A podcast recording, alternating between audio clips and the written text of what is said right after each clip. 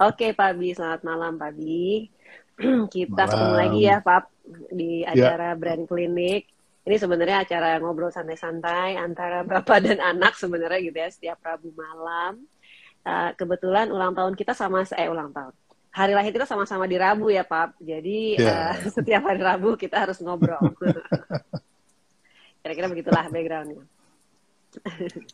Oke Dugaan Pak, sembari nunggu, sembari nunggu teman-teman yang lain, kan udah gabung sih sekitar 49 orang ya, Hmm. 48 orang. Nah, eh, langsung mulai aja, Ya, ya, ya, boleh, boleh. langsung mulai aja ya. Nah, seperti biasa, eh, brand klinik itu adalah hmm, sebenarnya cuplikan atau teaser ataupun intipan buat teman-teman gitu ya mengenai uh, Q&A sessionnya di uh, kelasnya uh, Pak Bi gitu. Nah, karena sebenarnya salah satu yang ditunggu-tunggu adalah sesi Q&A kalau di kelasnya Pak Bi. Karena uh, macam-macam, udahlah bisa uh, sembari curhat sama Pak Bi ya kan, suka tiba-tiba Pak Hmm. Bi keluar uh, wisdom ataupun uh, keluar idenya gitu. Itu yang ditunggu-tunggu durian runtuhnya di situ. Jadi Q&A itu kayak gini nih gitu ya. Pak Bi menjawab teman-teman, um, ya pokoknya seperti itulah. Nah, ini ada pertanyaan Pak Bi. Sapa dulu Aku- teman-teman di Oh ya, dari mana aja nih? Ada yang dari Malaysia atau dari Taiwan? ada sebentar. Oke, baiklah teman-teman. Eh, ini jangan-jangan lagi pada macet ya di jalan. Karena ini kayak minggu-minggu belakangan ini macet banget. Oh, sum-sum tulang rusukmu dari Jogja, Pak. Oh, Tadi eh, peserta pertama dari Bukit Tinggi, Pak Bi. hmm. Ada Ismail Al Hasani dari Magelang. Selamat malam. Dari Solo.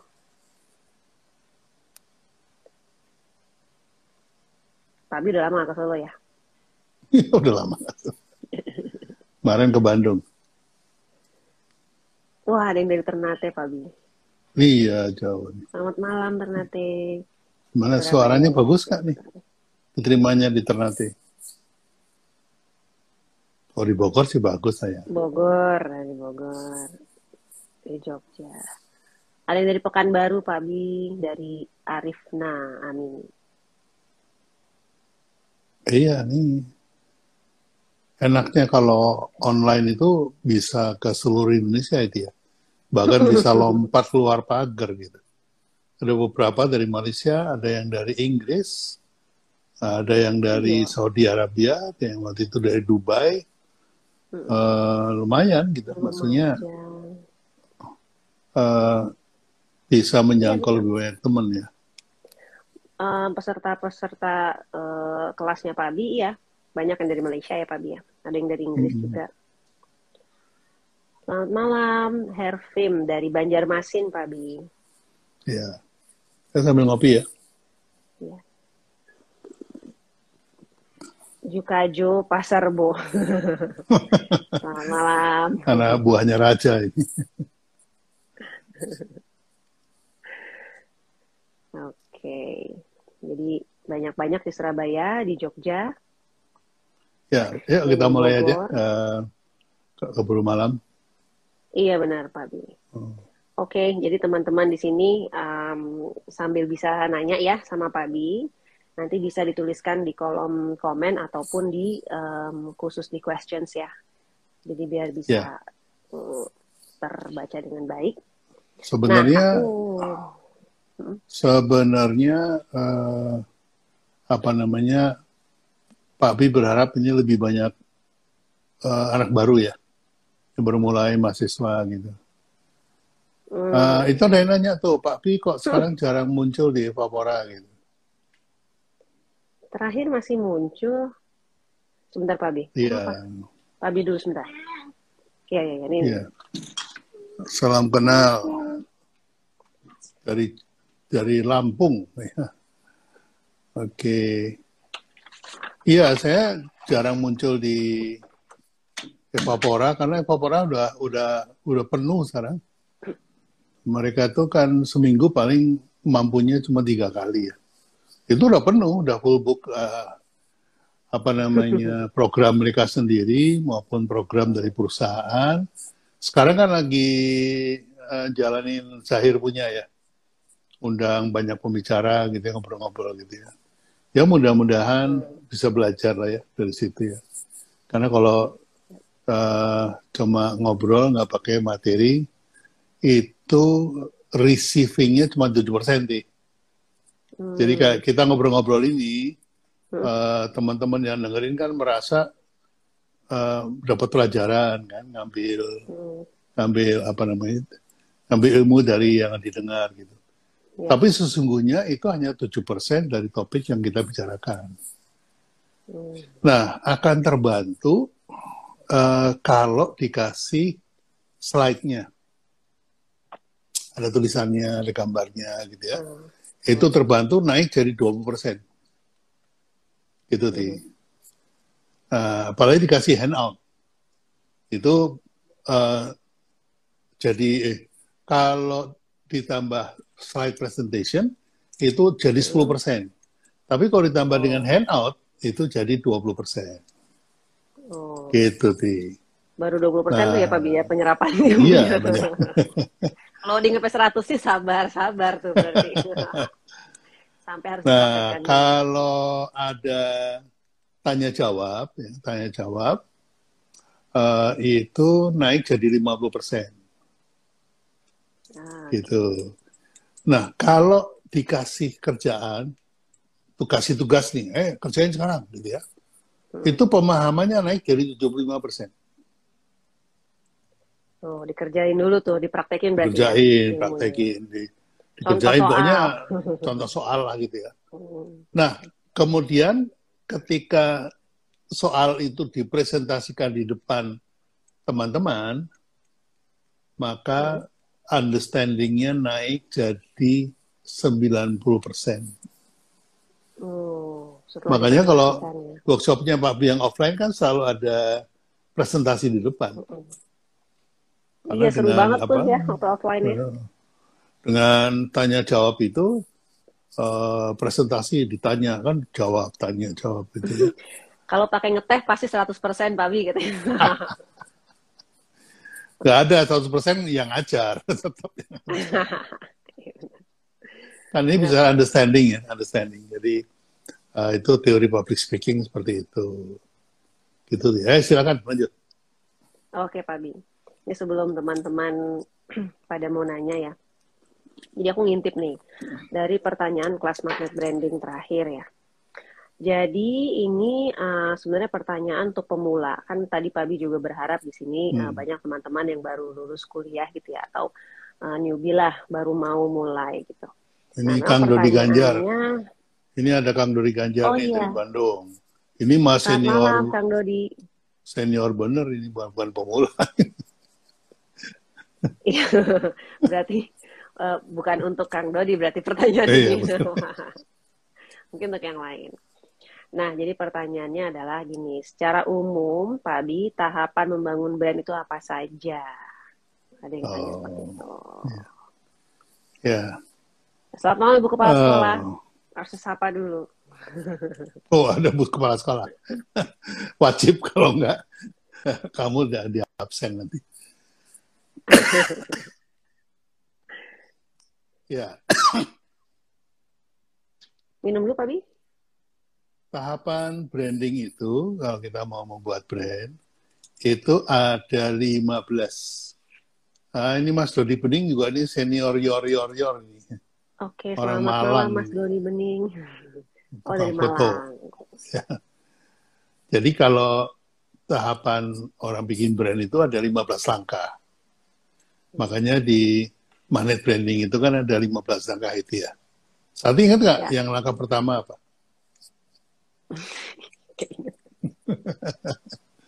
Padahal kamu tuh moderator loh. kan murid bandel. Terus selamat malam Sati dan Fabi. Ya Ibu. Siap Bu. Siap dipantau. Jadi langkah pertama itu uh, apa namanya uh, langkah pertama itu adalah yang kita sebut dengan product insight. Ya. Product insight itu apa? Product insight itu sebetulnya menemukan value, ya, menemukan value dari uh, apa namanya brand kita. Jadi produk kita itu punya value apa? Makanya disebutnya product insight. Ya. Mm-hmm. Nah, ada tiga hal yang uh, yang kita tes di halaman pertama itu. Itu satu halaman sih, tapi ada kotak-kotak ada tiga. Yang pertama itu uh, uh, orang membeli karena butuh. Nah, mengapa dibutuhkan gitu? Apa saja fiturnya dan segala macam. Gitu. Kemudian yang kedua, uh, orang membeli karena diinginkan. Nah, kenapa diinginkan? Itu di, diurai semuanya. Kemudian yang terakhir adalah orang membeli karena value-nya, ada value. Value misalnya uh, butuh buru-buru nih, ya. Karena value itu nggak selalu terkait sama harga ya, Tia. Iya. Nggak terkait sama harga. Gitu. Jadi uh, misalnya orang lagi sakit batuk, maka obat batuk itu value-nya tinggi jadi uh, konsumennya uh, value-nya tinggi. Orang lagi kedinginan, maka selimut value-nya tinggi. Orang lagi lapar, nah itu lagi corona, vaksin value-nya tinggi. Hmm. Nah, apa namanya? Value itu kalau datangnya sekali-sekali itu tidak sustain, tidak sustain karena hanya dibeli ketika butuh, ketika ingin, atau ketika uh, ada urgensi. Ya. Nah, bagaimana membuat urgensi itu tiap hari itu dibahas di situ. Ini sayang kalau IG Live ini nggak bisa ini ya, nggak bisa nampilin slide ya. Uh, apa namanya? Memang kalau uh, enaknya sih, uh, enaknya sih di Zoom itu ya. Uh, iya, enaknya sih ikut kelasnya aja Pak Bi. Jadi itu udah langsung diajarin oh, 15 gini, langkah. Kalau, ya kalau kelasnya kan uh, selalu hambatannya biaya ya. Biayanya kan mahal. Oh, iya. Gini aja, Sati kenapa nggak brand klinik ini dibikin hmm. seminggu sekali pertemuan di Zoom. Jadi Pak Bi bisa nunjukin slide. Ah, kita bahas satu slide gitu, ya kan? Kita iya, boleh, boleh. kita bahas satu slide gitu. Ya nggak nggak gratis gratis amat lah ya uh, apa bayar tipis-tipis lah misalnya misalnya uh, setiap minggu setiap hari apa gitu ya kita pilih hari Senin gitu. Hmm. setiap hari Senin atau hari Rabu uh, aja seperti hari Rabu, oke okay, bisa di, juga. di IG ya. Ya uh, Rabu buat IG kan kadang-kadang Rabu ketabrak sama workshop ya jadi nggak bisa nggak bisa iya, betul. on juga. Jadi kita bikin setiap yang paling jarang itu kan Senin. Uh, jarang ada workshop, udah kita bikin setiap Senin, uh, bayar tipis-tipis gitu ya. ya. uh, empat kali. Tipis kok, tipis banget. tipis banget lah. Tipis banget. Uh, apa namanya kita bahas satu slide aja. Setiap pertemuan bahas satu slide, udah gitu tanya, sepuasnya, udah gitu konsultasi juga boleh. Kurang iya. apa tuh? Wah, hmm. enak banget tuh Pak Bi. Cuman khusus di brand kliniknya kita ya Pak Bi ya. Iya kan, namanya klinik. Klinik itu kan uh, kayak, kayak bengkel ya. Kayak bengkel. Jadi uh, apa namanya? Uh, uh, dicari penyakitnya apa sih gitu. Tapi ya Pak Bi nggak bisa jelasin secara detail ya, nanti diprotes sama ya. yang ikut workshop. Kalau mau ikut ya, ya nanti kita buatin anunya lah. Apa? Nah, uh, udah banyak yang mau nih Pak Bini. Serius nih mau nih? Udah banyak nih yang mau nih, ada setuju. Oh, Bismillah oh, niat ikutan Pak Bi. Tapi brand gitu. klinik tetap ngobrolnya bapak sama anak terus gimana? Oh, oh kayak begini, kita tetap bapak anak. mau tetap Pak Bi mau. Tapi kalau peminatnya banyak sih, kalau membernya banyak, kita undang juga pembicara, Ti. Satu Iya, slide nggak aja, pembicaraan berdua satu aja. slide. Jadi misalnya seperti Pak Kris, nah Pak Kris, itu nggak wajib Pak Kris? Pak Kris ya kan. Mas Dion nanti sekali-sekali kita Ah, lihat masih. juga. Pak Budi, Pak Budi juga mau pasti. Oh iya Pak, Pak Budi kan tetap Wah, pada Bosan juga loh eh, Pak Budi ngobrol sama eh, followernya itu lagi, itu lagi, itu lagi, itu lagi. Sekali-sekali nyemplung kolamnya Sati kan. Seru. Tuh, udah pada mau Pak Bi. Oke siap baiklah kita akan. Yang benar mau. Tuh. tapi yang Mas tapi Dion yang kenapa Mas Dion? eh, tapi eh, apa mau Mas Dian Tuh gitu kan. mau. Mas Dion mau. Tapi yang yang ngobrol santai begini mah tetap harus ada Ki. Oh, Hari maksudnya apa ini lah gitu. setiap setiap Rabu malam gini kan? Ya, eh, gitu. Iya ini tetap Nah, Rabu malam. Senin, Seninnya kita kita bikin satu jam ngobrolin tentang eh, di Zoom lah ya, di Zoom. Jadi di Zoom ya. Hmm. kalau di Zoom itu enaknya apa? Kita bisa saling sapa gitu loh. Kalau di Iya, sini kan cepat kan banget. Ini Kita kayak narsis banget. Cuman kita doang yang ngomong. Oke, berarti Iya. setiap Senin nih. Mau jam berapa Pak Bi? Kayak kayak gini kali ya enak ya malam ya. Habis Isa aja. Jadi Isanya mundur sih. Sekarang misalnya jam setengah delapan. Iya, jam setengah delapan oke lah, sampai jam sembilan kayak gini nih. Ah, itu Rabu santai sedekah ilmu branding. Boleh. Sedekah. Sedekah diniatkan sedekah memang sih.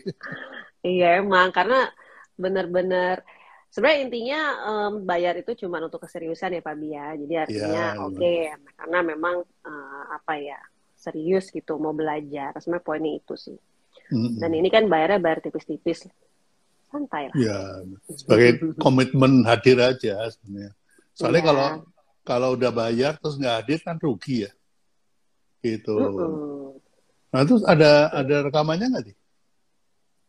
Waduh, kalau ada rekamannya nggak bisa tipis-tipis sih karena kan me- menyangkut tim nih. Kalau kita berdua aja sih oke lah ya. Udah kita kita be present aja gitu di saat itu gitu aja ya kan. Iya. Nanti dicatat dan sebagainya. Tuh bayar tipis. Soalnya bayar tipis. Bandel banget sih. Oke, baik baiklah. Bener ya diseriusin nih. Nanti aku follow up. Jadi buat teman-teman Nanti yang yang lucu khusus yang untuk- lucu ti ya teman-teman yang udah pada ikut workshop udah khatam gitu masih ikut juga brand Masih ikut. cleaning. Karena apa? Karena apa ti? Karena ada konsultasinya itu pasti yang dikejar. Iya, iya, iya benar-benar. Wah, dari mulai Karena itu. konsultasi logo lah, konsultasi Hmm. desain spanduk lah, konsultasi desain warung lah. Iya, wah itu bisa benar-benar lebih ini ya Pak Bi ya, lebih Iya, lebih broad lagi kan. Tapi Mm, tipis-tipis, maksudnya kalau terlalu dalam jadi jadi tidak semua menarik kan ya. Bisa juga konsultasi tentang jingle. Pak, saya udah bikin jingle nih. Boleh nggak saya present? Ah, boleh. Kita dengerin, udah gitu kita bilang, Hmm. Eh, wah ini harusnya dibetulin ini gini gini gini. Eh, eh, gimana cara bikinnya papi? Wah jangan tanya saya kan gitu. tanya yang bikin kan gitu. Eh, jadi memang sebenarnya eh, brand klinik itu nanti akan lebih kepada eh, bagaimana mengimplementasi teori yang sudah Pak Bi berikan di kelas-kelas. Sebetulnya seperti itu ya kira-kira Pak Bi. ya? Iya kira-kira seperti itu. Jadi Karena kalau misalnya di kelas ngebahas implementasinya juga, aduh jadi terlalu panjang dan jadi nggak sharp gitu. iya. Intinya Iya. itu. Nah, ilmu itu diulang, ulang dan ulang dan setiap pertemuan pasti ada hal baru. Ya betul. Hmm. Pasti beda walau konten dan orangnya sama. Ya karena karena kan eh, walaupun suaranya sama, tapi yang menerima ini kan moodnya beda ya. Lagi Hmm. seneng, lagi berhabis berantem sama istrinya gitu, ya. lagi ka- lagi tongpes gitu, beda itu penerimaannya beda. Iya benar-benar. Karena begini loh, jangan salah. Orang itu kalau ngobrol, itu bukannya mendengarkan apa yang diomongin deh. Ya. Jadi sebetulnya Pak Bi kalau ngomong, saat itu nggak dengerin. Karena Sati sedang menyiapkan jawaban atau pertanyaan yang lainnya gitu. Jadi Iya, otak- benar-benar. Otaknya nggak berhenti. Ini ke mana lah tuh otaknya? Nggak bi Ya, tadi. nanya, nanya, Pak Bi, brand itu apa? Dijawab kan? Begitu dijawab, udah mempersiapkan pertanyaan yang berikutnya. Yang berikut nih ya, iya benar. Itu benar Jadi banget. akhirnya malah nggak nyangkut juga itu. Jadi, nah ini teman-teman harus jangan biasain begitu ya. Jadi kalau kalau tanya itu nyimak gitu jawabannya apa. Karena itu susah loh Pak Bi. Itu tuh eh, kayak kemampuan tersendiri tuh yang namanya mendengarkan, ya padahal mendengar. Allah sudah jelas-jelas menyampaikan pesan lebih banyak mendengar daripada bicara. Karena apa? Kupingnya ada dua. Gitu. Mulutnya cuma Sementara mulut satu. satu. Tapi orang kan kalau ngomong kan berebutan. Wah, berebutan ngomong. Gitu. Jadi ya akhirnya ya, ngomong aja. gitu. Ya, Oke begitu. Ti. Oke, ya. Ini tadi Pertanyaannya apa ada tadi? yang ada Eh, yang apa? eh, sebentar. Tadi agak di atas. Jadi pertanyaannya lucu. Eh, dari rumah apa tadi? Rumah Mahar nih, Rumah Mahar Bukit Tinggi. Hmm. Tanya Pak Bi, ini ada di sini eh, rumah maharnya. Hmm. Bagaimana membranding produk yang hanya dibeli satu kali seperti mahar nikah? Hmm. Kalau Aku ingat Pak Bi kayaknya pernah dikonsultasi sama itu deh, yang buat cincin kawin ya. Mirip-mirip. Iya, sama cincin kawin, kemudian mahar nikah juga sama gitu ya. Eh, memang sih seumur hidup sekali ya. nah, itu yang selalu saya pesan sama teman-teman. Jadi, kalau Anda itu menjual barang yang hanya dibeli sekali seumur hidup, jangan ngeluh gitu kan. Eh, Kalau dibeli sekali ngeluh ya, memang memang untuk kepentingan sekali seumur hidup. Ya, waktu itu kan contohnya kain kafan, cincin kawin gitu ya. Kalau cincin kawin kan eh, nasihatnya papi kan, coba deh eh, bikin cum, jangan cuma cincin nikah, cincin kawin, tapi cincin anniversary. Mhm. Jadi setiap setahun ganti cincin, setiap setahun ganti cincin gitu. Terus udah gitu eh, di antara gengnya nih kalau ngumpul-ngumpul, eh, Sati kok cincinnya masih sama sih? Waduh udah nikah lima tahun gitu. Iya nih laki gue pelit kan kira-kira gitu ya. Supaya suaminya nggak dibilang pelit setiap tahun diga- dibeliin cincin. Jadi nanti koleksinya itu setelah lima tahun ya lima cincin gitu. Ti. Iya, iya. Nah itu kan bisa Aku jadi setiap gitu tahun juga jadi. sih aku. Ya, Sampai jadi tahun kedua bukan, doang tapi habis gitu. bukan diganti loh ya, kalau diganti mah namanya curang gitu. Ini koleksi gitu loh. Iya, koleksi. Jadi ada aku punya dua cincin kawin. Iya, Harusnya tiap tahun satu- Pak, ya. Oke, berarti sekarang udah berapa tahun? cincin anniversary. Nah, mahar juga itu. Mahar juga Hmm. begitu. Kan mahar itu biasanya cuma duit eh, sama kalau enggak emas sekian gram Nah, sama perangkat sholat kan.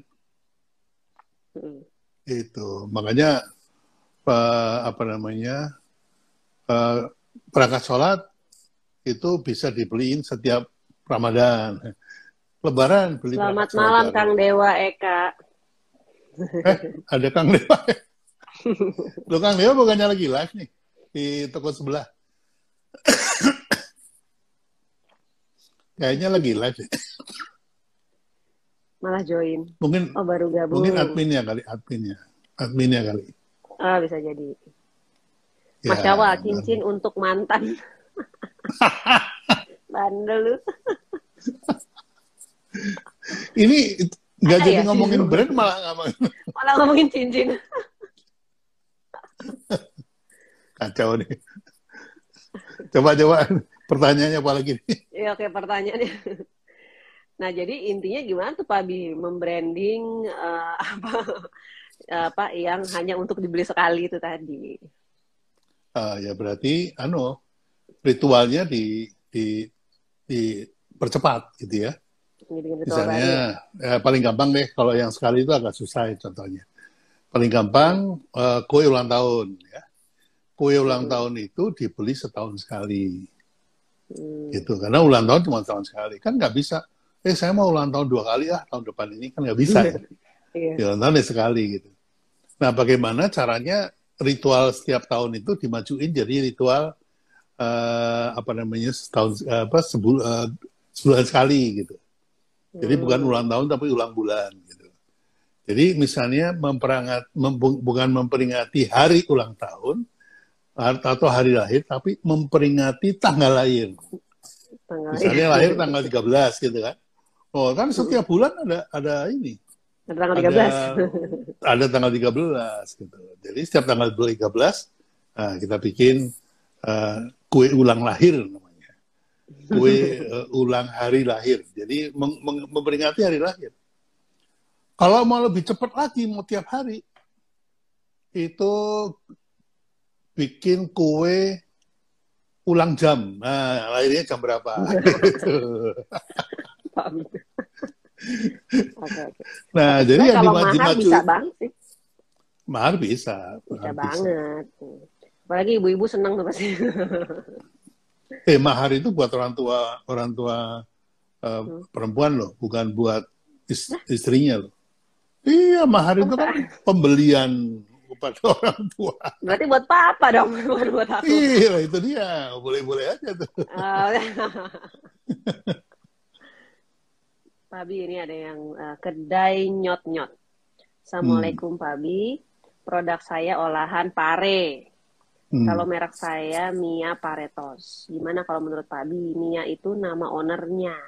Terima kasih hmm. Ya, eh, nggak uh, apa-apa sih ya. sebetulnya. Ya. ya sebetulnya yang paling bagus itu bikin brand itu tiga, tiga, tiga brand sekaligus sih. Hmm. Yang pertama brand produk, ya ya. dan produk kita buat. Dan ada berarti kan kita harus menemukan value produknya. Ya. Hmm. Nah, kemudian uh, kita bikin brand korporat atau perusahaannya atau tokonya, gitu ya. Hmm. Brand tokonya kita bikin, berarti value-nya value dari tokonya. Kemudian kita bikin brand personal yang punya foundernya. Hmm. Gitu. Kenapa perlu tiga ini? Karena ini saling tolong menolong, Oke. Okay. Jadi ketika produk brandnya itu ada apa-apa, karena begini, bisnis itu kan nggak selalu lancar, selalu baik-baik saja gitu ya. Uh, bisnis itu ada kalanya jatuh kan. Mm-hmm. Nah pada waktu things goes wrong, when things goes wrong, itu harus ada yang menolong. Kalau produknya ditolong sama perusahaannya. Jadi misalnya biskuit Roma lagi jelek gitu ya, uh, karena ada apa misalnya makan biskuit uh, uh, apa namanya masuk rumah sakit gitu ya. Wah terus viral ke mana-mana. Nah yang harus menolong itu mayorannya. Satu lagi dari mayora. Oh kalau percaya sama perusahaannya, oh itu cuman ini apa namanya accident aja yeah. satu biskuit doang. Jadi memaafkan karena ditolong oleh brand perusahaannya.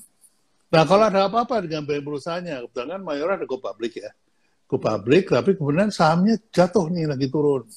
Hmm. Tapi tetap nggak dijual, tetap dipegang. Kenapa? Karena percaya sama foundernya. Nah, jadi brand founder ini menolong perusahaannya. Jadi makanya bikin produk brand atau bikin personal brand itu bukan pilihan itu uh, ya kewajiban semuanya harus dibikin gitu sih. Hmm, jadi semuanya Pak Bi. Iya, aku juga iya. mengintip uh, apa postingan Pak Bi beberapa hari yang lalu ya. Pak Bi posting itu mengenai iya. produk brand, hmm. Corporate brand sama personal brand. Dan ini sebenarnya juga cukup menjadi pertanyaan banyak orang sih. Hmm. Perlu nggak sih ini yang mana uh, yang didahulukan gitu produk brand atau corporate brand? Sama seperti kemarin juga di kelas branding, ada yang tanya juga Pak Bi, pertanyaannya kira-kira seperti ini. Hmm. Saya punya usaha kuliner dan bakery dengan banyak varian produk.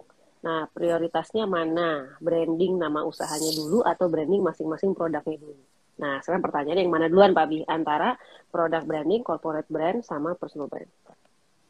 Ya, jadi gini, kalau uh, apa namanya branding produk itu kan semudah memberi nama produk itu, memberi nama julukan ya. Misalnya kayak McD itu ada Big Mac gitu ya. Hmm. Uh, kalau di BK hmm. itu ada uh, Whopper. Uh, apa, Whopper gitu. Hmm. Nah itu adalah branding dari masing-masing produk. Hmm. Nah uh, uh, kalau produk yang nggak dikasih nama, maka yang terjadi adalah produk range-nya. Ini ini ini gue beliin burger loh. Burger dari mana kan gitu. Hmm. Nah akhirnya tokonya yang ditanya. Oh burgernya McD. Oh gue lebih suka burgernya BK misalnya gitu. Hmm. Tapi nama produknya nggak disebut gitu. Hmm. Jadi uh, itu yang kemudian si perusahaan itu itu menolong produknya itu. Gitu ya. Kalau makanan ya mungkin ada tapi kalau kayak fashion kan misalnya toko siapa misalnya contohnya Didit deh ikat gitu kan baju-bajunya nggak dinamain satu-satu kan jadi cuma ikat Indonesia gitu aja itu berarti corporate brandnya corporate brand berarti dia jadi uh, dia tidak memberikan nama kepada masing-masing bajunya tapi banyak kok uh, yang dikasih nama uh, apa namanya spring gitu misalnya ikat Indonesia spring atau musim hujan atau hujan di pagi hari atau apa gitu kan itu uh, apa namanya menjadi sebuah identitas buat produknya itu. Buat si produknya ya, oke. Okay. Uh -uh. Oke, okay, Pak Bi. Nah, terus nih tadi teman-teman ada yang nanya-nanya juga nih. Uh, dari hmm. Primus. Pak Bi mau tanya, saya usaha kosmetik. Brand saya namanya With Moi. Benar sih aku nyebutnya? with moi. Artinya putih cantik. Mungkin hmm. white kali ya, itu kurang. Iya. Yeah. White moi, artinya putih cantik. Gimana menurut Fabi? White-nya bahasa Inggris, moi-nya bahasa Belanda. eh, moi itu bahasa Belanda ya? Bahasa Belanda, moi. Oh. Uh, gitu. Moi, moi, moi itu bagus. Gitu. Ya, uh, ini kayaknya bukan kosmetik ya, kayaknya personal care ya. Kayaknya krim krim apa namanya? night cream atau day cream gitu. Yang memutihkan Makanya, gitu kan. Hmm, hmm. personal care eh person, personal care. Oh, gitu. oh. wit juga bahasa Belanda, Ti. Oh, WIT bahasa Belanda. white. Tapi ya artinya white juga. Maaf sih bukan orang Belanda. with moi. Oh, jadi putih bagus gitu ya. Iya. Mungkin di oh itu sabun.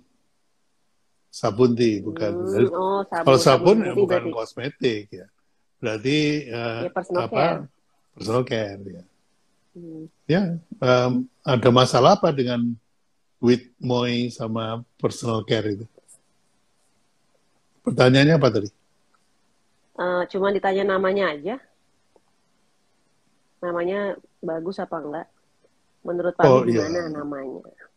Ya kalau mengingat Indonesia pernah dijajah 350 tahun oleh Belanda. Harusnya cocok ya, cuma masalahnya apakah apakah bangsa Indonesia masih berbahasa Belanda itu aja. Iya ya, aku aja udah nggak ngerti. Iya, mungkin uh, kakek-kakek nenek kita itu masih. bahasanya verboden, rebues, nah, gitu. Verboden masih verboden mendingan cari bahasa ini, bahasa anak milenial sekarang gitu. Hmm. Digabung-gabung kan biasanya. Hmm. Tawa deh Mas Syawal tuh. Oke nih Pabi ada pertanyaan lagi nih Pabi. Hmm.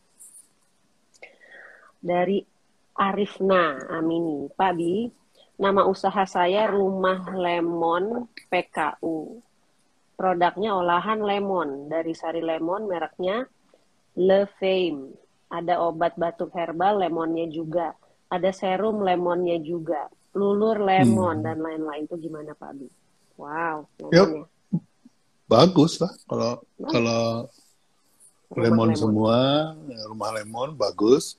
Nah sekarang eh, yang foundernya harus harus di branding sebagai Mama Lemon. Mama Lemon. Benar ya, juga. ya kan? Jadi produknya aneka lemon, rumahnya rumah lemon gitu. Uh, personal brandnya Mama Lemon. Jadi dia nama namanya siapa pun dia nggak boleh nggak boleh posting selain lemon. iya harus. Gitu. Tipis-tipis ini jawabannya. Tipis-tipis. Nggak usah terlalu teori lah. Iyalah, implementasi hmm. aja Pak ya. Hmm. Teori di kelas aja itu mumet itu. nah ini ada pertanyaan lagi nih Pak Bi. Dari Nikodemus. Nikodemus Widyutomo. Pak, saya baru belajar personal branding. Waduh, belajar sama siapa? Untuk bisa nah. menemukan personal branding saya, bagaimana caranya? Oh. Nah, tadi katanya, oh baru mau belajar kali ya? Lah yang yang punya personal kan dia. Masa nanyanya ke Pak Abi ya? baru kenal pula gitu. Nggak pernah lihat mukanya, wajahnya, tampilnya. Karakternya kan, personalitinya nggak tahu. Jadi ya, gini aja deh, gini aja. Uh, apa namanya? Kalau personal branding itu ya memang memang paling bagus itu berdasarkan passion. Passion. Karena orang kan juga susah nyari kompetensi ya. Kompetensi saya ini apa ya Pak Bia? Loh kok tanya saya gitu. Gini aja, apa yang kamu tuh punya passion gitu loh, yang uh, bergairah banget kalau ngomongin itu gitu. Misalnya di antara ngomongin sambel, ngomongin soto, ngomongin baju, ngomongin kolam renang, sama ngomong ngomongin raket badminton. Nah, paling satu jam itu yang didominasi oleh pembicaraan itu yang mana? Itu passion namanya. Udah, ikutin passion supaya tahu kompetensi. Karena passion, ya, passion itu kan sesuatu yang apa yang dipikirkan, kemudian dituliskan. Nah, ketika dituliskan, apa yang di, dipikirkan atau dimimpikan itu menjadi sebuah rencana. Hmm. Nah, rencana itu uh, di dalamnya ada yang namanya kompetensi. Itu. Jadi kompetensinya hmm. apa itu ketemu ketemu dari passionnya. Nah, setelah kompetensi yang ketemu, kerja keras nih. Kerja keras supaya terjadi prestasi prestasi yang diakui. Nah, diakui itu bisa diakui oleh institusi, misalnya kayak kalau orang kuliah itu kan diakui oleh alma maternya gitu ya. Kalau uh, orang dagang itu diakui oleh konsumennya. Gitu. Tapi ada sebuah pengakuan. Atau misalnya diakui oleh suatu institusi seperti Oscar, seperti apa namanya Persatuan Perfilman Indonesia gitu ya Nah, maka dia menjadi sebuah uh, prestasi itu menjadi sebuah reputasi karena diapresiasi. Jadi Pak Bi pernah dapat uh, apresiasi uh, apa lifetime, lifetime achievement. achievement. Nah, itu sebuah apresiasi yang membuat Pak Bi menjadi reputasi. Reputasi yang dipercaya oleh khalayak. Nah, kemudian Ketika nanti papi nggak ada, itu yang dikenang orang, maka itu menjadi legacy. Nah, personal brand itu jalannya seperti itu. Tapi jangan dibahas dulu sekarang, karena sekarang papi masih ada. Anaknya yang panik. Iya, iya, iya. Ini contoh aja, contoh. Iya, contoh. Jadi tadi apa sih? Passion, kompetensi, Passion. kemudian prestasi, prestasi apresiasi. Uh, apresiasi dan legacy. Eh, reputasi, legacy. Ini aku Itu juga buka-buka lagi nih kelas personal branding. Iya nih ada yang dibilang passion is energy. Find what the most excites you kata Pak Bi waktu itu. Hmm. Kompetensi dan passion. Ini ada ada Mas Roy Baby Duck nih, Ti. Oh iya, Mas Roy. Selamat malam, Mas Roy. Propolinggo apa kabar nih? Kapan ke Jakarta? Ditunggu ini. Katanya mau mampir ke kantor. Ayo Mas Roy. Pak Bi udah mau ketemu offline lagi kok. Dengan orang-orang yang terpilih. Mohon maaf kita jagain Pak Bi banget soalnya. Oh Pak Bi. Eh, selamat malam tuh. Selamat malam Pak Bi Sati. Ya diatur sama Mas Kasim aja waktunya. Ya. Oke, baik Mas Roy. Selamat menikmati uh, perbincangan kita. uh, Pak Bin ada yang nanya nih. Dari Mada Muhammad. Mau tanya saran nih. Nama merek saya Mama Full. Produknya kebab full, full bacanya ya. dan original full. Logonya seorang chef kali ya, chief chef wanita. Dan kata full itu kata asing, arti kacang merah. Hmm. Brand yang dibangun makanan sehat. Nah, mungkin mungkin pendapat Pabi kali ya, bagaimana? Mama full, bacanya benar full ya. Hmm. Mama full. Fullnya Mama U L, kacang merah, Mama kacang merah. Hmm, Mama kacang merah. Uh, kenapa nggak pakai bahasa Inggris aja, Repin ya? Sekalian ya, yang di, udah dikenal yeah. orang gitu, jadi nggak perlu mengedukasi orang lagi full itu artinya apa? Iya, gitu. itu uh, sama namanya? seperti tadi yang bahasa Belanda itu berarti Pak Bia. Iya, itu menambah kerepotan sendiri. Kecuali memang sedang repot gak apa-apa. Mungkin senang. Oke, jadi itu salah satunya tuh nih udah udah dua pelajaran ya dari uh, dua nama bahwa uh, pemakaian bahasa itu pemakaian penggunaan bahasa itu juga penting. Jadi orang begitu dengar langsung timbul persepsi ya Pak Bi. Nggak perlu yeah. mengedukasi lagi, ada bahasa kita tempelin persepsi apa kan mesti diajarin lagi tuh. Nah, uh, yang anu ya, yang paling canggih, uh, teori paling baru adalah ketika nama itu memiliki call to action. Jadi namanya sendiri sudah um, mengundang orang untuk uh, ini apa namanya melakukan sesuatu. Contoh Pak. Jadi contohnya counter pain itu kan nama, lama ya.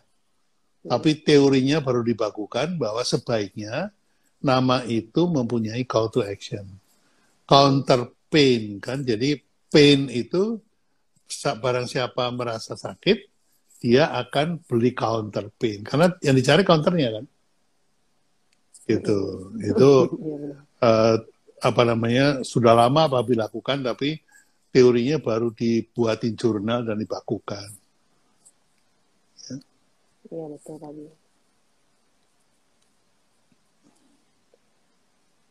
Oke. Terus ada lagi pertanyaan. Uh, dari Henry Joyo Legowo. Malam Pak Saya MFG itu apa sih? manufaktur produk-produk iya, kebersihan oh, iya, dengan satu brand induknya.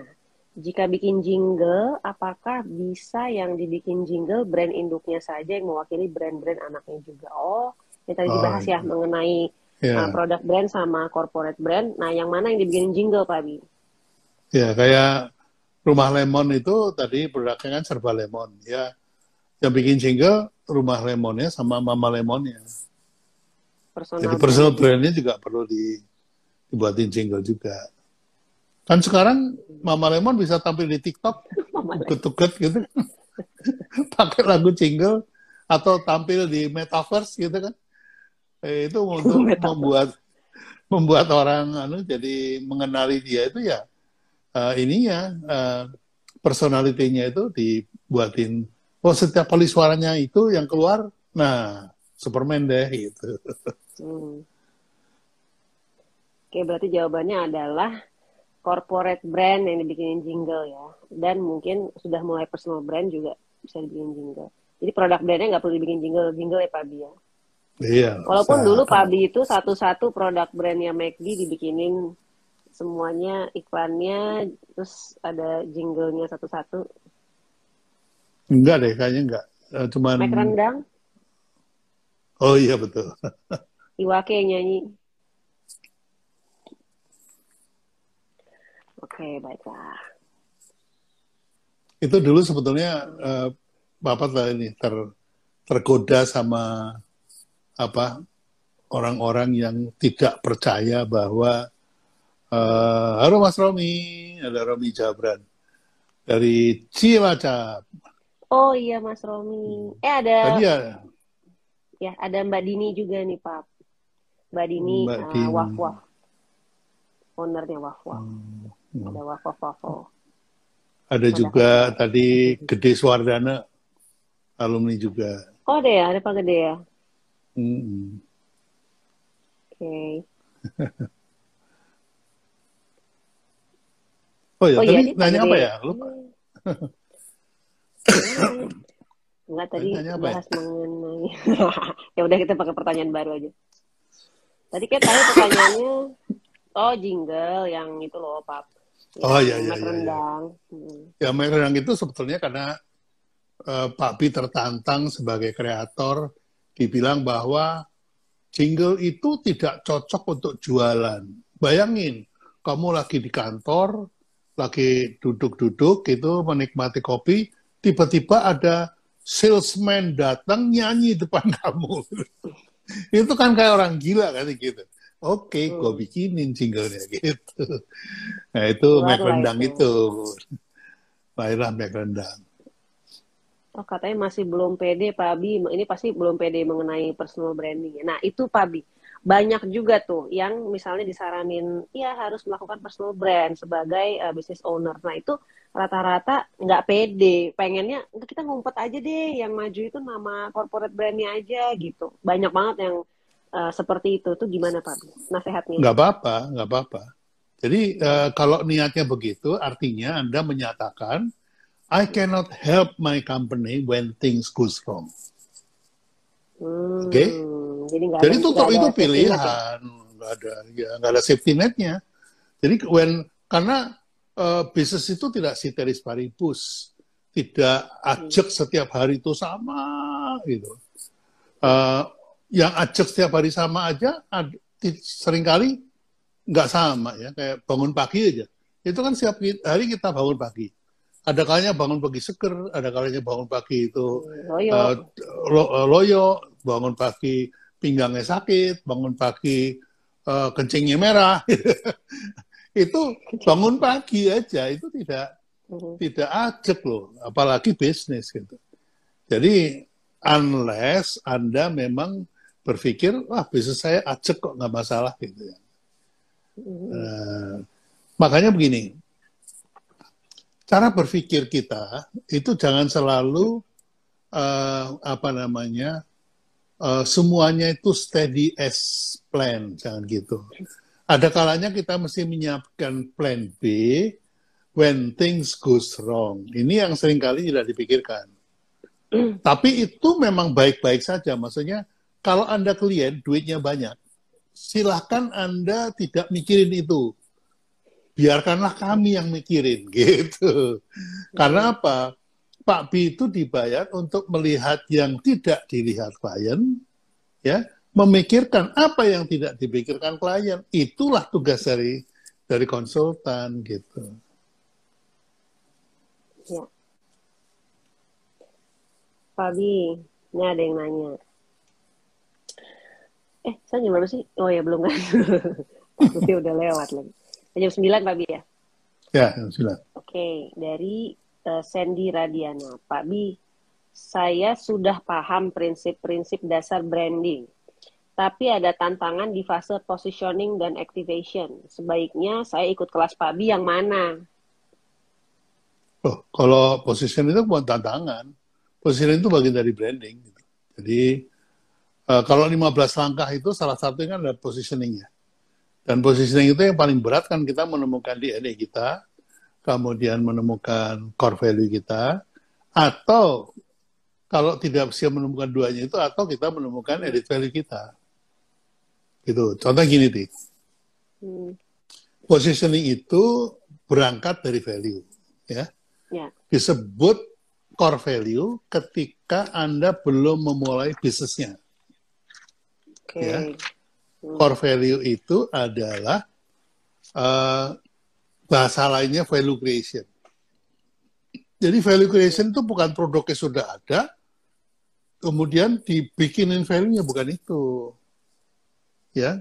Jadi uh, Anda mau memenuhi kebutuhan konsumen, memenuhi keinginan konsumen, atau me, me, apa namanya memenuhi value yang di, diminta oleh konsumen, nah itu namanya value creation. Itu tidak hanya untuk brand, tapi juga untuk the whole business. Karena value itu harus di-share ke seluruh bagian, termasuk ke uh, strategi, struktur, sistem, staffing dan segala macam ya. ya itu action ya. Ya itu uh, buka aja uh, um, uh, Vacancy ya.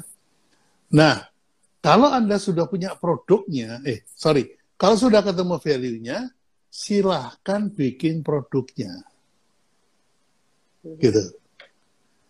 Jadi paling benar itu kalau bisnis itu cari value-nya dulu, baru kemudian uh, apa namanya dibuatin produknya. Ya. Bukan problem loh ya, bukan problem di. Banyak yang ya. mengatakan kita cari problemnya konsumen, kita buatin produk sebagai solusi. Itu sudah lewat. Mm-hmm. Anak milenial itu kalau ditanya, problemnya milenial apa sih? No problem, everything is okay. Iya, lagi nggak ada problem, oh hidup gue baik-baik aja. Gitu. Oh, baik-baik aja. Kamu nggak punya mobil? Ah nggak masalah, gue bisa pakai Gojek. Nggak masalah. Oh, nggak masalah. Apa, supir gue di mana-mana gitu biasanya ngomong. supir gue di mana-mana. Pertanyaan, loh, kamu nggak punya rumah? Wah, uh, uh, gampang ngekos malah asik lagi. Kita bisa pindah pindah-pindah dari Jakarta Selatan, dari Jakarta Timur, dari Jakarta Barat. Millennial has no problem. That's the problem, deh. Jadi kalau kita mencari problem dari konsumen, masalahnya milenial itu nggak ada problem. Nah itu dia. Nah kalau problemnya nggak ada, how can you build the solution? Nggak ada. Gitu. Makanya ada sekarang ini uh, ada yang mengatakan, ada yang beli bahwa untuk membuat milenial beli itu bukan solution yang dicari Hmm. tapi call to action. Nah, itu. Udah segitu aja dulu deh. Ke dalam ini juga ini tuh Pak Bin. Jadi tadi juga aku ngintip ada pertanyaan yang mengenai positioning. Jadi uh, syaratnya membuat positioning harus apa saja Pak Bi? Itu kan ada apa aja Pak Bi? Ada DNA sama core value. Ya. Oh, atau ya. atau uh, value edit. Kan kebanyakan pengusaha Indonesia itu kan produknya dibikin dulu. Kenapa dibikin produknya? Lagi ngetren Pak Bi, lagi rame nih. Ini hasil dari dari apa namanya uh, eh, ATM amati tiru gitu kan, modifikasi gitu. Walaupun modifikasi tipis-tipis jadi akhirnya terlalu mirip sama yang ditiru gitu ya. Tapi produknya dibikin dulu. Baru, Pak Bi, tolong dong value-nya apa nih? Lah kok nanya ke saya? Jadi value-nya ditambahkan. Bukan membuat produk berdasarkan value, tapi value-nya ditambahkan pada produknya. Nah, ini 99 klien, 99% kliennya Pak Pi itu dulu seperti itu semua. Datang ke Pak Pi sudah bawa produk, terus minta dibuatin value-nya. Gitu, Ti. Iya, betul. Itu untuk kalau kita nggak ketemu value duluan ya. Nah, tapi nah, positioning nah, itu sendiri positioning tapi itu akhirnya sendiri, akhirnya hmm. akhirnya yang benar itu temukan value-nya bikin produknya. Hmm. Ya. Tapi 99% kliennya Pak Bi itu bikin produknya dulu baru nyari value-nya. Hmm. Ya kan? Nah, ini yang membuat akhirnya Pak Bi menjadi value creator. Karena di, di, di edit value-nya itu. Sehingga apa? Uh, oh ini nggak ada kebutuhan nih Pak Bi di pasar. Kita ciptakan kebutuhan. Gitu. Nah kan terus oh, nanya, jadi kalau produk lemon ini value-nya gimana Pak Bi?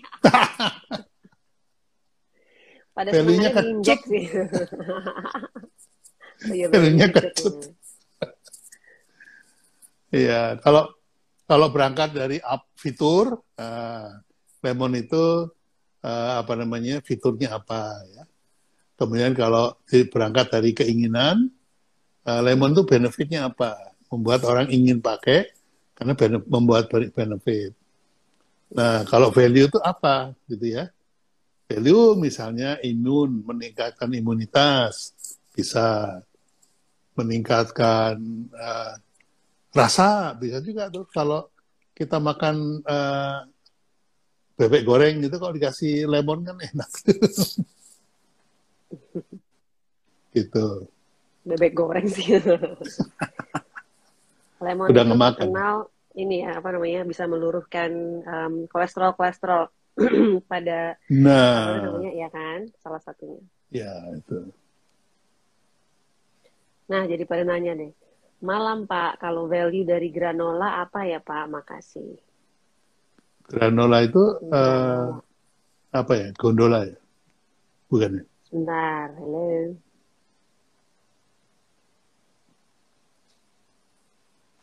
Muter ya? Sinyalku ya? Iya muter-muter. Barusan Hmm. freeze. Hmm. Granola apa ya? Hmm, granola. Granola tuh bukan serat ya? Hmm. Nah, Pak Abi. Nah, tapi Pak Abi ini loh yang aku jadi ngintip nih catatan uh, kelas Pak Abi terakhir yang waktu itu Mas Dion sempat uh, sit in di hari kedua ya nggak salah. Bahwa positioning Sengaja. ah, nggak masalah. Enggak, eh, Bu Dita bilang granola itu yang buat sarapan itu loh. Iya Iya. tahu, Papa. Jadi, aduh, kita di apa ini nih di mentor apa di monitoring sama ibu kepala sekolah. Oke, Betul. jadi yang po- positioning itu um, harus bisa membuat keluar uh, dari persaingan red ocean, pindah ke blue ocean, lalu positioning harus menciptakan kategori baru dan harus bisa mendisrupt. Hmm. Nah, bagaimana Ya, dengan itu. disruption tadi? Itu nanti ada workshopnya khusus. Karena, karena kalau kalau disruption itu biasanya pebisnis pemula itu dikasih diperingatkan ya bahwa yang paling bisa mendisrupt keadaan kita adalah macro environment. Nah, belajarlah sama Pak Yoswadi atau beli bukunya ya. Ada Iya, ada eh, digital disruption, millennial disruption, dan pandemic disruption, kan gitu ya. Nah, itu maksudnya kita jadi korban disruption gitu. Nah, Hmm. kalau yang diajarkan Pak Bi adalah bagaimana produk kita mendisrupt pasar. Nah, itu. mendisrupt. Jadi bagaimana Hmm. produk kita memporak-perandakan eh, convention atau kesepakatan pasar. Jadi misalnya gula itu manis gitu ya, garam itu eh, apa namanya Oke. asin. Nah kita disrupt deh, gula kita justru asin, tapi garam kita manis. Nah, itu kan memporak-perandakan anu apa namanya kesepakatan pasar. Nah itu kerjanya Pak Fi kayak gitu, bikin gula jadi asa- asin gitu. Itu nanti kelas brand disruption Pak Bi ya, khusus ya, tanggal 26 sampai 29 Iya, Januari. iya. benar ya? Itu kelas baru saya bikin dua kali Oke. sebelum pandemi ya, sebelum pandemi baru dua kali. Mhm. Eh, kenapa dua kali? Karena kelas ini berat, ya, kelas ini berat. Karena yang diomongin sepanjang empat hari itu itu tidak lain adalah neuroscience tentang Hmm. ilmu saraf. Bagaimana bagaimana kita men- menaikkan hormon tertentu untuk kemudian tidak mempercayai ini dan mempercayai yang ini gitu. gitu. Jadi eh, saya melibatkan eh, ada psikolog pernah saya libatkan dan juga hipnotis gitu. Karena Hmm. apa? Kita perlu neuro language eh, program. Jadi neuro itu ada language-nya, ada kata-katanya. Kata-kata Hmm. apa men-trigger nih eh, hormon apa, mana? hormon apa kemudian mempengaruhi mempengaruhi emosi apa, emosi apa kemudian mempengaruhi tindakan apa gitu sih. Karena berat makanya itu khusus alumni, bener Pak Bi ya? Alumni aja, karena kalau masih nanya Pak brand itu apa, mata gua udah. Nah, itu silahkan masuk ke kelas yang branding, Walaupun Anda- selling. Walaupun anda kuat bayar, saya persilahkan keluar kelas. Wah tuh langsung eh, Pak Roy Baby Duck. Pasti ikutan Pak Bi, Mbak Sati. Siap. Tanggal 26 sampai 29 ya. Oke, oke. Oh, ini masih tenang Pak Bi. Pak Bi mau minum dulu boleh? Kita masih 25 menit lagi. Uh, masih panjang ya? Masih panjang. Ini kayaknya dari iya. tadi dari tadi yang join banyak banget. Tapi kenapa uh, di hati cuma ada tulisan 80 aja? Oh, aku bingung. Keluar masuk. Kayaknya uh, enggak juga kayaknya ini sengaja nih Instagram. Bikin penasaran aja. Algoritma, tanya Pak Kris, algoritma kenapa begini algoritma? iya, gimana nih? Iya, cuma 81. Ini gimana sih? Jadi bingung, kayaknya muka gua ketutupan orang join lagi. Ketutup orang join. ini gimana sih cara ininya? Aduh, mohon maaf nih ya. Um, Gigi salah hitung. Lalu ini ini sinyal apa atau sinyal aku nih? Ya sinyal kamu udah. Oke, ya sinyal aku udah. Itu ti. Jadi, nah uh, kalau workshop ya, buat teman-teman yang belum tahu atau belum teman-teman yang berminat, nah, itu workshop wajib itu ada dua, ya.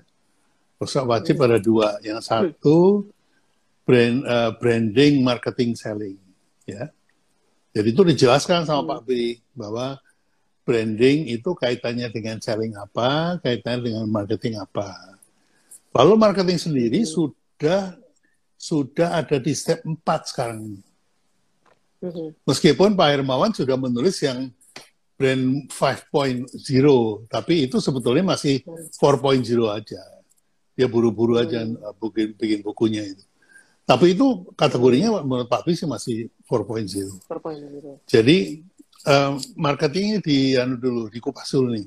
Marketing 1.0 itu apa, 4P itu apa, marketing 2.0 itu apa, 3.0 apa, 4.0 apa. Gitu. Nah, karena selling itu adalah pembantu dari marketing, waktu marketing 1.0 itu di, dilaksanakan oleh oleh pengusaha, sellingnya apa yang dilakukan?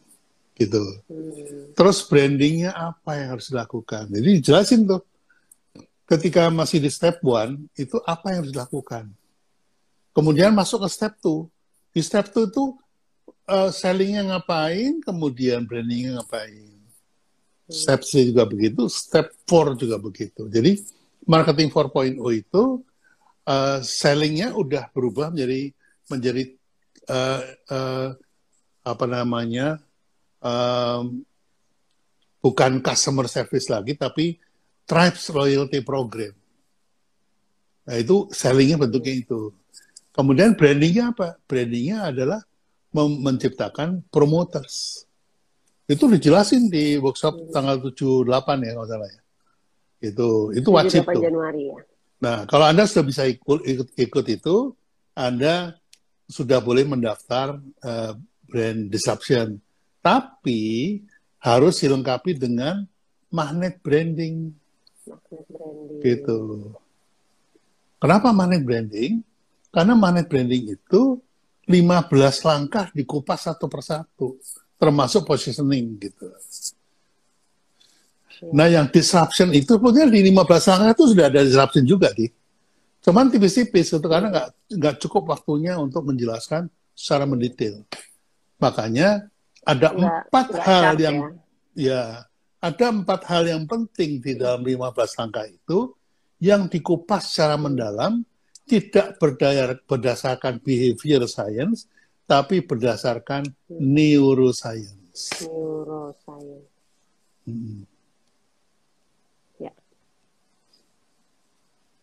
Ini Pak Roy Baby Duck langsung semangat tadi Mbak Sati, Januari saya mampir ke kantor Pabi. Baiklah. Karena di Januari di Januari banyak kelas ya. Ikut online ya Pabi. Iya, kelasnya masih online Pabi ya. Kelas ya, Pabi itu masih akan diadakan secara online melalui Zoom. Gitu. Iya lucu ya, itu... ya ini join join banyak tapi. biarkanlah ya sudah nah, apa dah itu ada yang nanya bagaimana menjadi evangelis nih nah itu bagaimana Pak Bi ya jadi evangelis itu uh, bagaimana menciptakan evangelis itu caranya buatlah konten yang shareable konten yang uh, memotivasi dan bisa di-share. Jadi Anda menjadi evangelis satu brand ketika Anda men-share konten dari brand itu. Misalnya ada iPhone 13 gitu ya. iPhone 13 ini ngantrinya masih panjang, harganya uh, apa namanya nggak turun-turun. Terus kemudian banyak berita kayak gitu nah itu di share ke orang lain gitu. Artinya apa? Anda sudah menjadi evangelis dari brand itu. Jadi kalau misalnya anda mau jadi evangelisnya Papi setiap kali Papi posting di share share silakan share aku dong evangelisnya Papi ini saya cuma Papi aja Iya. Nah, betul itu uh, Elko Panji ya. Harus ada mutual interest ya, Pak. Iyalah. Kalau nggak ada mutual interest ya nggak mungkin jadi evangelis. Ya. Eh, yang mana? Kok dia aku nggak keluar ya? Ada tuh barusan nongol.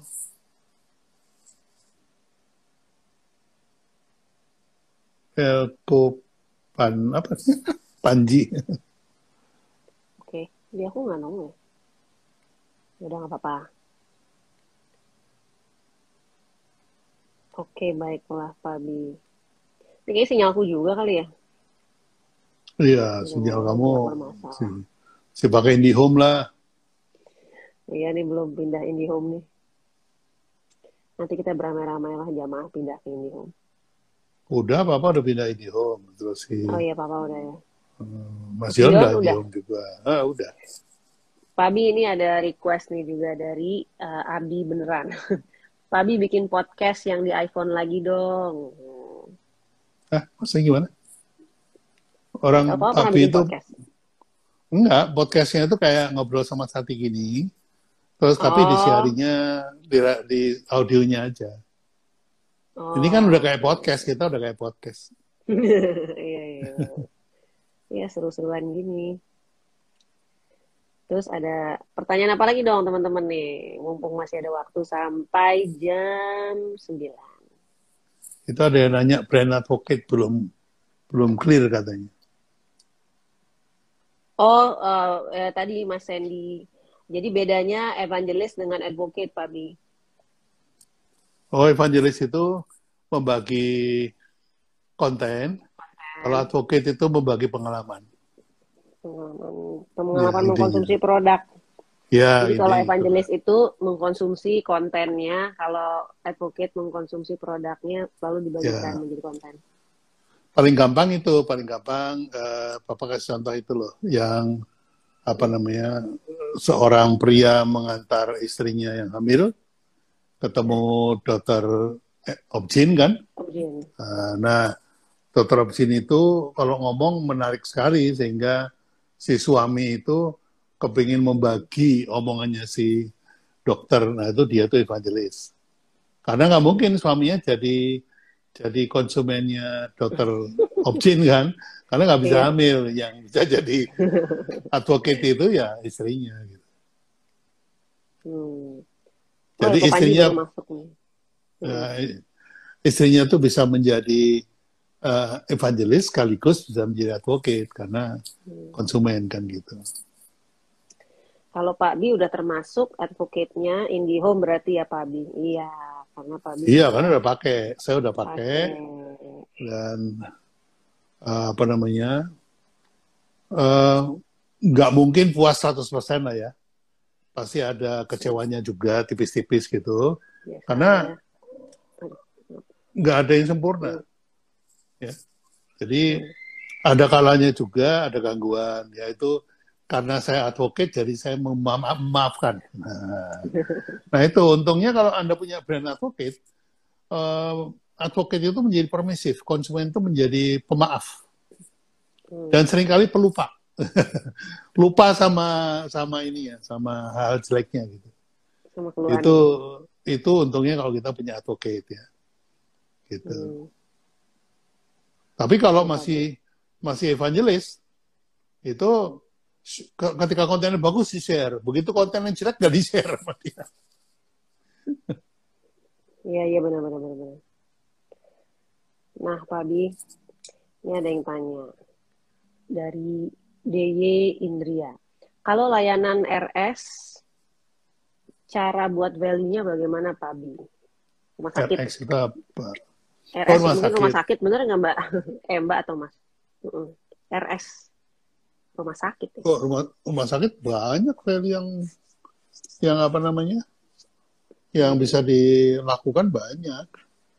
Dari mulai dokternya, bangunannya, hmm. ya, bangunannya, apa, apa namanya, servicesnya, terus kemudian canggih nggak canggih alatnya, itu value-nya bisa bisa banyak gitu ya kalau berangkat dari benefit ya. Tapi kalau uh, salah satu value yang bisa diangkat uh, itu yaitu servisnya. Misalnya fast ya, cepat. Uh, servisnya cepat, jadi melayaninya cepat. Terus yang sakit cepat sembuh gitu. Itu kita jual kecepatan, value-nya ke value kecepatan. Value fokus juga bisa. Jadi rumah sakit ini fokus hanya untuk sakit kanker, uh, jantung atau sakit kanker atau sakit apa itu fokus. Otak. Uh, otak gitu. Nah yang ketiga bisa juga uh, fleksibel ya. Hmm. fleksibel misalnya apa namanya bisa anda sakit anda bisa sembuh dan bisa juga nggak sembuh gitu nggak gitu kali. Ya maksudnya Maksudnya BPJS bisa, asuransi bisa, itu fleksibel ya. Uh, terus bisa juga melalui fund ya. Fund. Jadi rumah sakit itu nggak kayak rumah sakit, dokternya itu pakai baju renang gitu kan, jadi fund. terus uh, uh, resepsionisnya pakai ya, baju Hawaii uh, gitu. Dokter gigi anak-anak kayak gitu sih, Pak. Jadi biar anak-anak iya. nggak takut, mereka pada pakai baju mini mouse lah, apalah kayak gitu.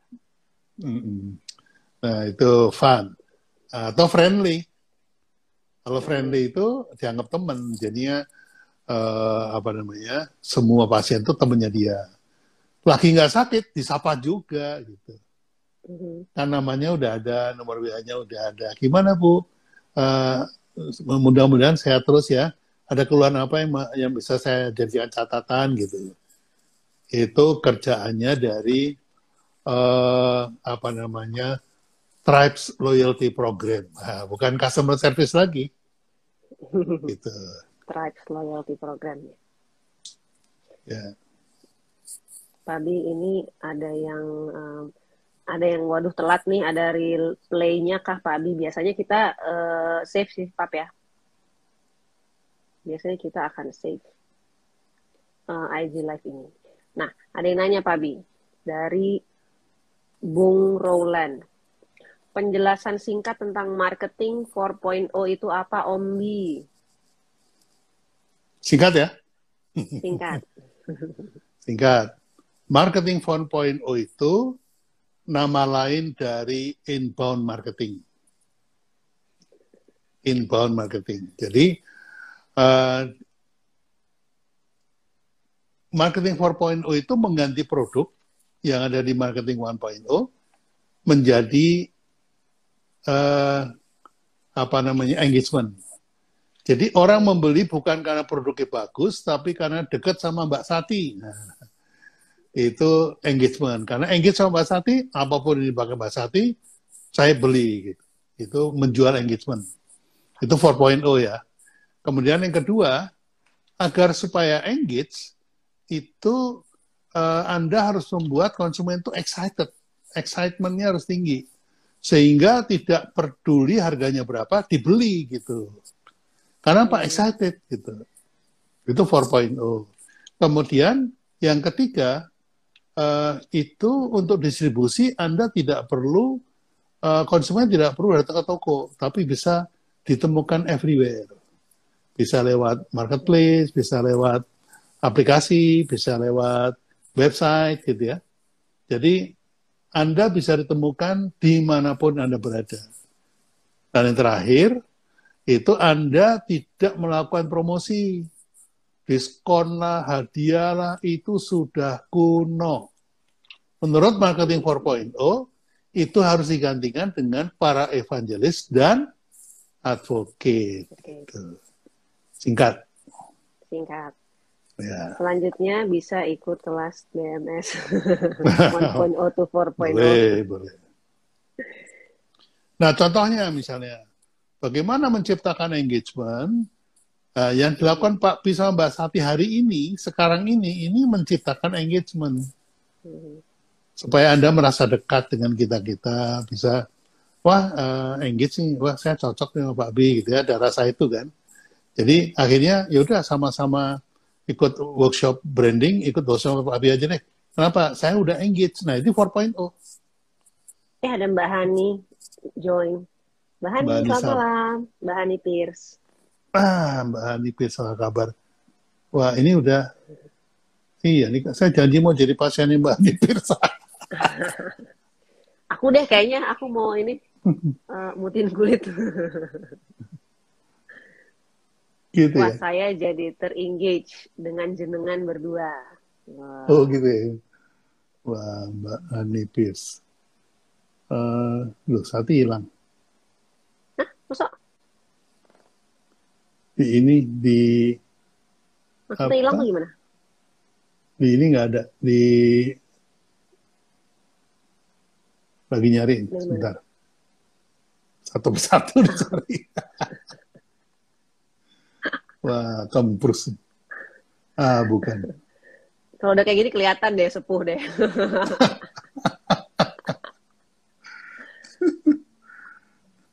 dari Mas Roy. Saya sudah dari dulu merasa dekat Pak Bimba Sati. Eh, keren. Kita, kita juga merasa dekat. Ya, karena kita harus saling panggil nama kan? Mm. Nah, itu salah satu, salah satu yang harus dilakukan. Harus dikenal, harus mengenal ininya siapa, apa namanya. Uh, jangan cuma manggil, eh kamu, wah tersinggung gitu. Siapa siapa tuh kemarin gitu. Siapa tuh uh, tukang brand yang tua tuh siapa namanya?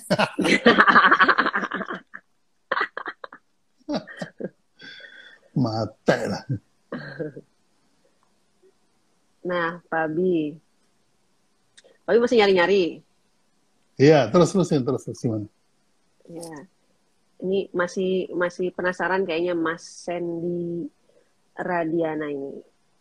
Pak Abi, supaya bisa jadi brand advocate, jalur masuknya kan hanya melalui experience ya Pak Abi. Artinya harus excellent service ya Pak Abi. Ya, itu udah tahu jawabannya. kan brand is simply trust. Jadi yeah, ya uh. harus excellent, harus um, deliver the promise. Oh udah, ya. Udah, itu? soalnya uh, uh, Instagramnya itu uh, logo Instagramnya ganti dengan dengan speaker, makanya oh. hilang dari dari cari-cari. Soalnya ini anu bisa mencatat pertanyaan kan nanti. Nah, Begitu.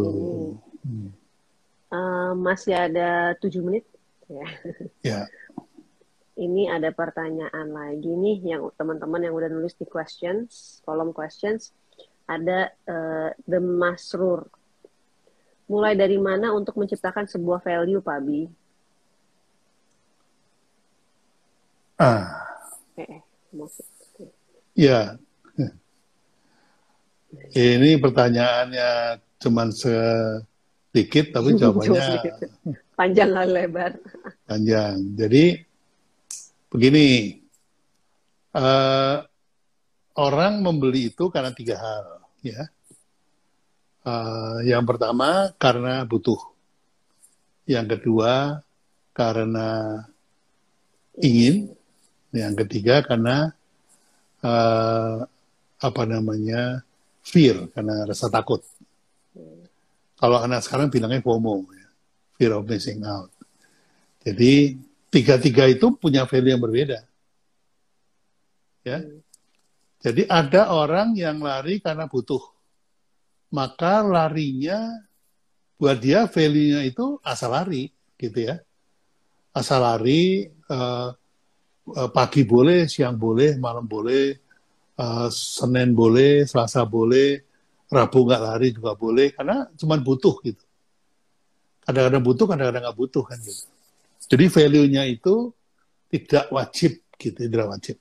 Hmm. Itu kalau orang lari karena butuh. Nah, yang kedua, orang lari karena ingin. Ingin apa? Ingin macam-macam, ingin sehat, ingin berprestasi, ingin jadi juara. Nah, itu value-nya, penilaiannya dia terhadap hari itu beda-beda. Gitu. Nah, yang ketiga, orang yang lari karena dikejar anjing. Itu value-nya sama, sih. value-nya sama. Takut digigit kan itu. Akhirnya apa? Akhirnya uh, value-nya itu tergesa-gesa. Jadi menjadi urgent. Ya. Gak cuman penting tapi genting. Misalnya ketika uh, COVID pandemi dinyatakan breakout di Indonesia, tanggal berapa Maret, 2 Maret kalau nggak salah, ada korban pertama.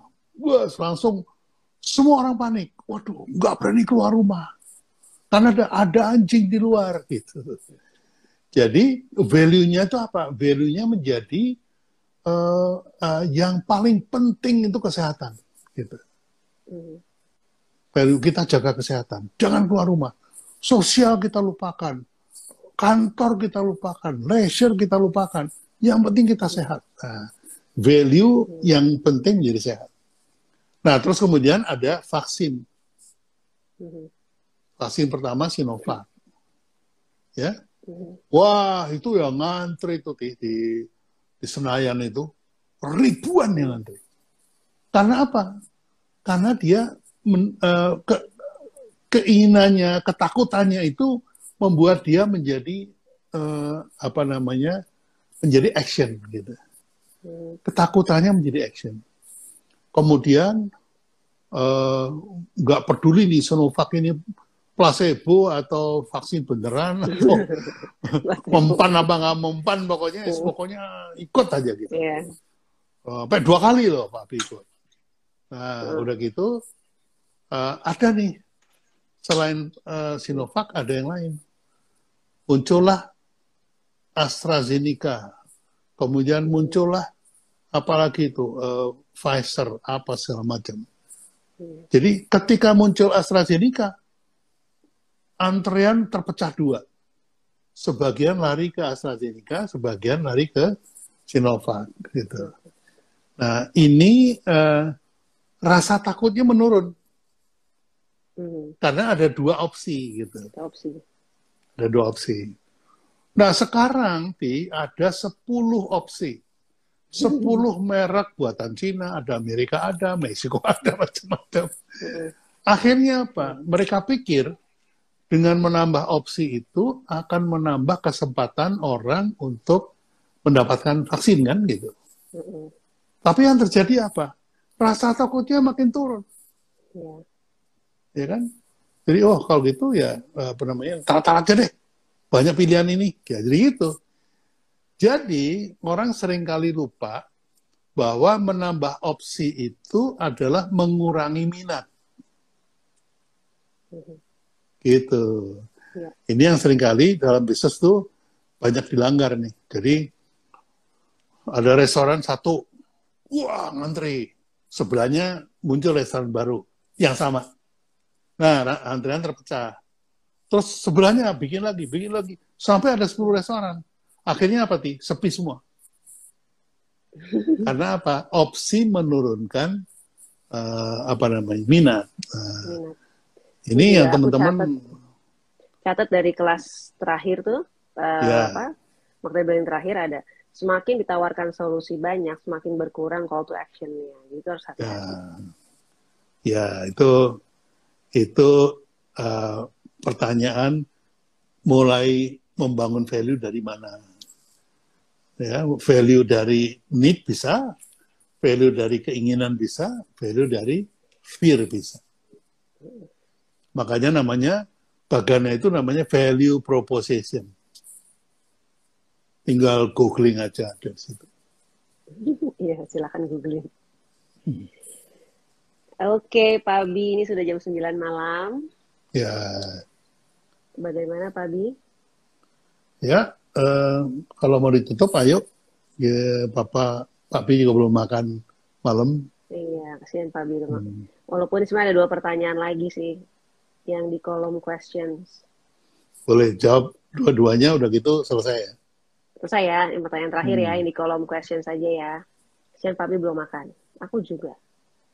Oke, okay, ini dari toko Black Garlic. Wah, Black Garlic Papi suka.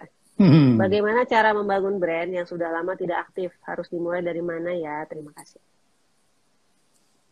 Ya, uh, kalau pertanyaannya brand yang tidak aktif itu dulunya pernah pernah ngetop apa enggak?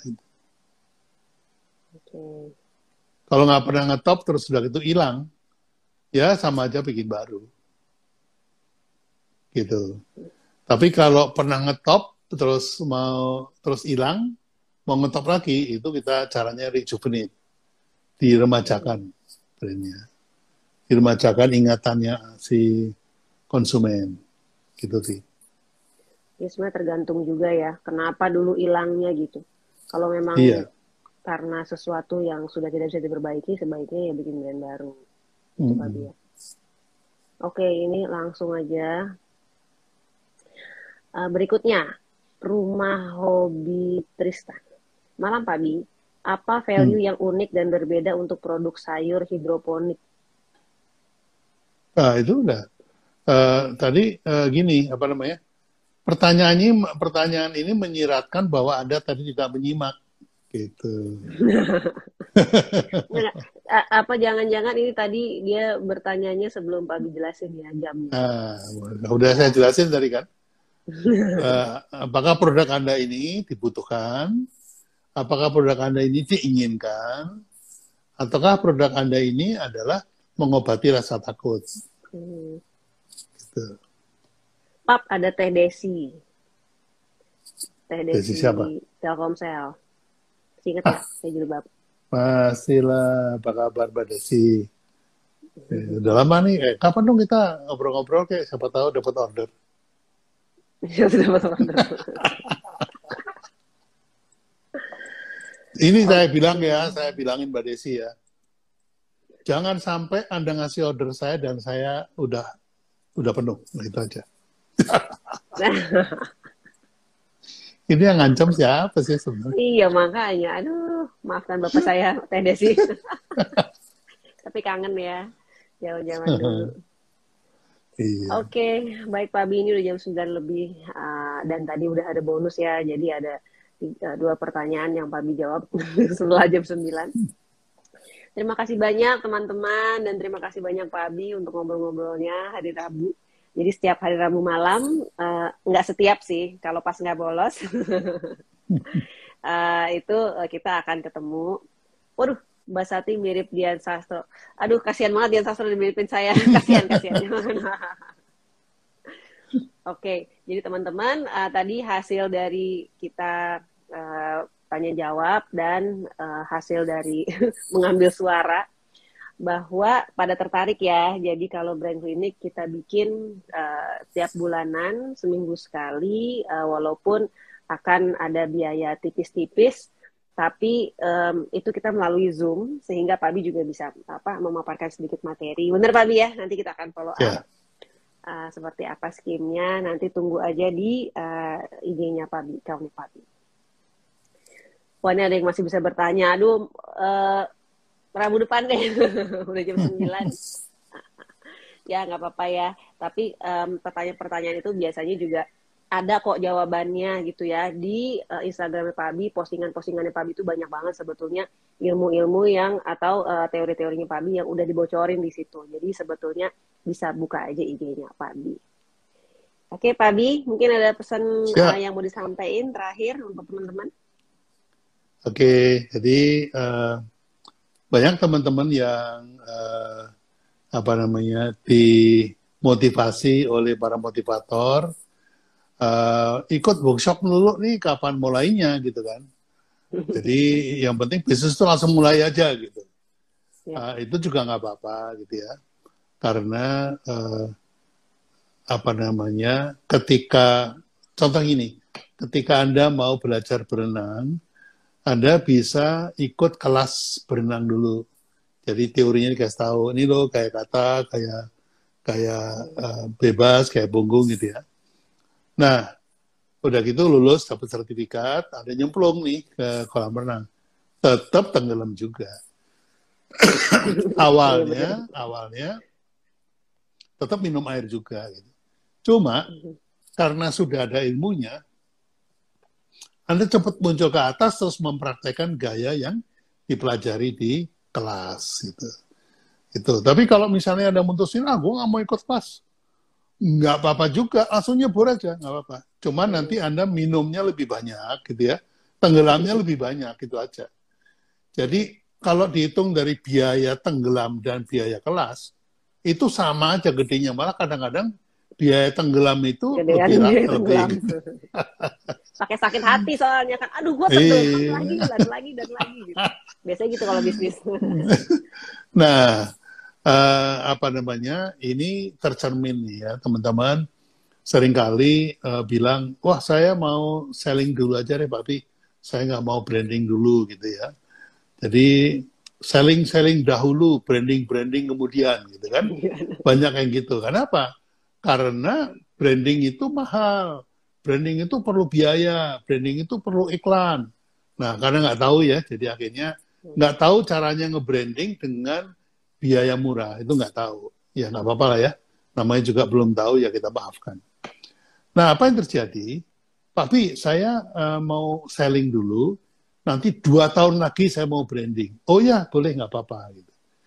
Nah dia tidak sadar pada saat dia itu asik selling asik jualan dengan diskon hadiah segala macam diskonnya juga gede-gedean gitu ya itu dia dia tidak sadar bahwa brandingnya dia nggak berhenti. Brandingnya dia tetap jalan, cuma dia melakukan orang lain. Gitu. Nah itu yang dikatakan oleh oleh Jeff Bezos. Your brand is what people talk about you when you are not in the room. Jadi tanpa disadari itu yang diomongin gitu. Akhirnya konsumen membranding Anda dengan julukan, wah ini toko diskon, wah ini toko hadiah. Udah, kita tunggu aja sampai diskon, nanti kita beli kalau ada diskon. Akhirnya apa? Anda diskon terus, gitu ya. Dua tahun kemudian Anda baru sadar, wah iya bener ya. Tapi tolong dong saya dikasih value supaya hilang toko diskonnya. Nah, tenggelamnya udah kelamaan udah berat untuk untuk mengubahnya ya. Jadi hati-hati teman-teman ya perlu diingat bahwa selama Anda asik jualan, Anda itu sesungguhnya di branding orang lain. Oleh karena itu, yang paling baik adalah siapkanlah branding pada saat Anda launching. Ya, ibaratnya begini. Kalau kalau uh, diibaratkan konsumen itu ibarat binatang buas. Kenapa buas? Karena zaman sekarang konsumen nggak sama kayak dulu. Konsumen zaman sekarang itu dia melakukan investigasi, menghakimi, dan kemudian me merekomendasi. Ya, rating, eh sorry, review, rating, recommendation. Itu kerjaan detektif, kerjaan hakim, dan kerjaan reporter. Jadi kalau misalnya ikut workshop Pak Bi, wah googling dulu, wah gitu. Googling gitu, siapa sih Pak Bi? Oh Pak Bi itu gini gini gini. Kemudian di rating nih, oh Pak itu udah sepuh nih, berarti ilmunya udah tua gitu. Jangan belajar sama dia, gitu kan dihakimin tuh. Udah gitu dia nggak puas hanya hanya tahu. Dia kemudian buka uh, handphone, dia bikin IG live terus dia cerita. Jangan belajar sama Papi, Papi ilmunya kuno, udah ketinggalan zaman Nah, itulah buasnya konsumen. Anda jangan sampai kejadian seperti itu, ya.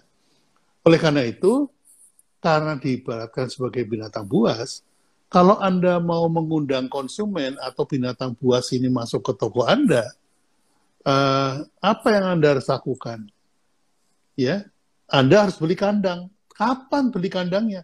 Dua tahun lagi, Pak. Nanti kalau sudah ada korban, baru saya beli kandang. Aduh, saya pun juga nggak bisa mengembalikan tangan yang sudah hilang ya. Dimakan sama hilang. binatang buas. Makan singa. Makan singa.